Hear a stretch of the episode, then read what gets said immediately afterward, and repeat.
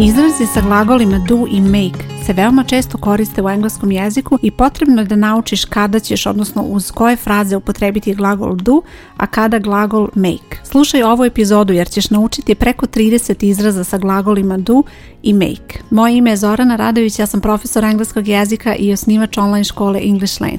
Ovo što slušaš je English Lane podcast gdje pričamo o korisnim savjetima i lekcijama za učenje engleskog jezika. Izrazi sa glagolima do i make su vrlo specifični u engleskom jeziku i ima puno ovakvih izraza koji su ti veoma korisni u konverzaciji, a koje je potrebno da naučiš kroz primjere, odnosno da naučiš koji glagol se koristi sa kojim izrazima. Vidjet ćeš da se prevod može razlikovati od izraza do izraza i postoje čak situacije u kojima ćeš glagol do i make prevesti na potpuno isti način, ali je bitno da u engleskom može da se upotrebi samo jedan ili drugi glagol. Osnovno značenje glagola do je raditi i ovaj glagol se koristi kada je u fokusu radnja, odnosno šta se radi. Iako je osnovno značenje uraditi, u okviru ove lekcije čućeš izraze u kojima će prevod biti malo drugačiji. Sa druge strane imamo glagol make koji znači praviti i on se koristi u situaciji kada se nešto stvara, odnosno pravi. Poslušaj sada primjer rečenice.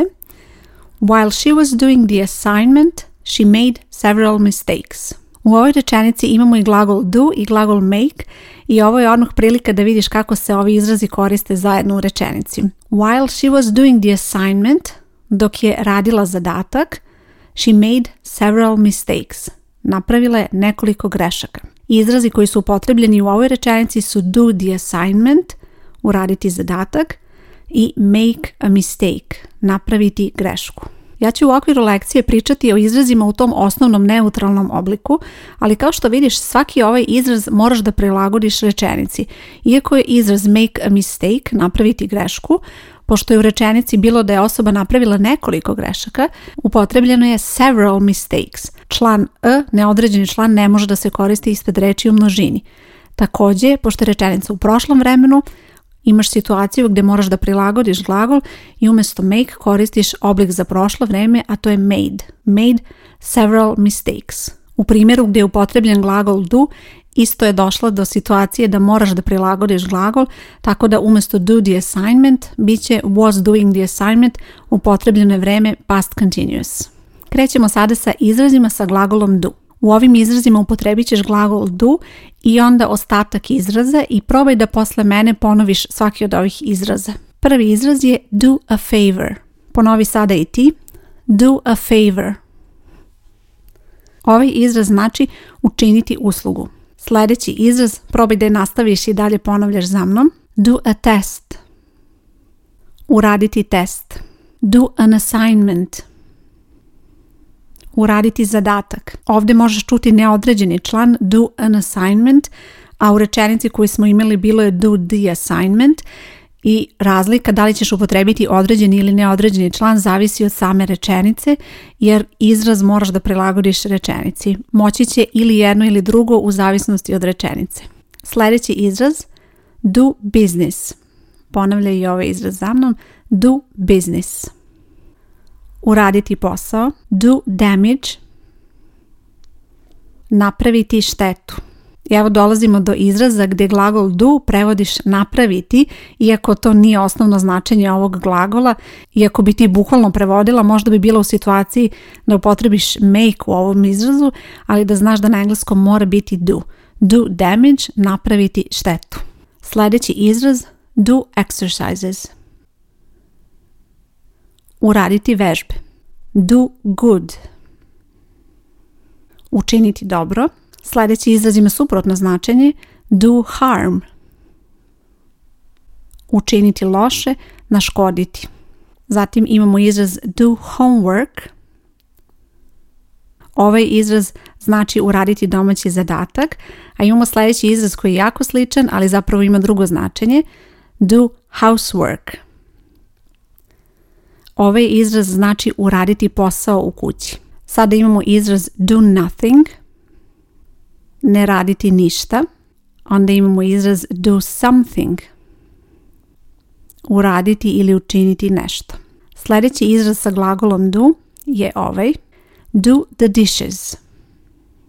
Oprati sudove. Zatim imamo još jedan kućni posao. Do the ironing.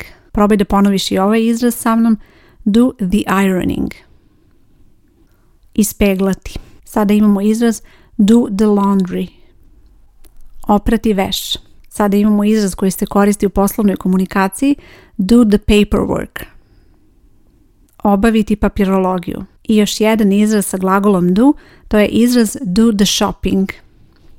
Ovaj izraz znači kupiti ili obaviti kupovinu.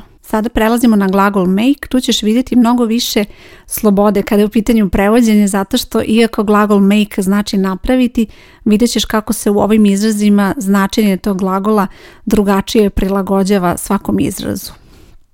I dalje nastavi da ponavljaš svaki izraz posle mene, jer na taj način vežbaš izgovor, a naravno obrati pažnju i na značenje, jer ću ja svaki izraz da prevedem, tako da možeš da naučiš odmah i šta taj izraz znači. Prvi izraz sa glagolom make je ovaj. Make a call. Probaj da ponoviš za mnom. Make a call. Ovaj izraz znači pozvati. Make a cake. Napraviti tortu.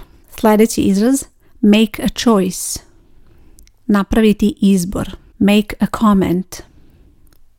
Komentarisati. Sljedeći izraz za glagolom make je ovaj. Make a decision. Doneti odluku. Make a presentation. Napraviti prezentaciju. Make a promise. Nastavi i ovaj izraz da vežbaš za mnom. Ponovi make a promise. Obećati. Make a suggestion. Predložiti. Make an appointment. Zakazati sastanak. Sljedeći izraz make noise. Ovaj izraz znači praviti buku. Zatim imamo izraz make plans. Ovaj izraz znači napraviti planove. Sada imamo izraz make someone angry. Probaj da ponoviš i ovo. Make someone angry. To znači naljutiti nekoga. A sada imamo suprotno. Make someone happy. Ovo znači usrećiti nekoga. Onda imamo izraz make time. Naći vreme. Sljedeći izraz je make dinner, napraviti večeru. I za kraj imamo izraz koji si već čula u rečenici na početku, make a mistake, napraviti grešku. Svi ovi izrazi mogu da se koriste da opišeš neke situacije na engleskom jeziku, nešto što želiš da uradiš, što planiraš da uradiš, nešto što si uradila i tako dalje, pa probaj da razmišljaš o tome i da smisliš načine kako bi mogla da upotrebiš ovakve izraze u rečenicama i odmah probaj da napišeš nekoliko rečenica na engleskom gdje ćeš upotrebiti neke od ovih izraza. Ako slušaš ovu lekciju na blogu English Lane škole, vidjet ćeš ceo tekst napisan tako da možeš da vidiš napisane ove izraze, da se podsjetiš i da ti to bude pomoć kada pišeš rečenicu, odnosno kada smišljaš šta bi ti napisala na engleskom i kako bi ove izraze prilagodila. Ako želiš da učiš engleski jezik u English Lane školi i da učiš uz pomoć online kurseva engleskog jezika, na ovoj stranici gdje slušaš podcast bit će link ka školi ili možeš da potražiš English Lane online škola. Nadam se da si uspjela da naučiš nekoliko novih i korisnih izraza u engleskom i da će ti ovakve lekcije biti od pomoći da vežbaš izraze koje već znaš i da probaš da upotrebiš neke nove i na taj način proširiš fond reči i to kako se izražavaš na engleskom jeziku jer je to nešto što ti je potrebno da bi napredovala kada je u pitanju učenja engleskog jezika. Hvala ti što slušaš podcast, moje ime je Zoran Radović i čujemo se uskoro. Ćao!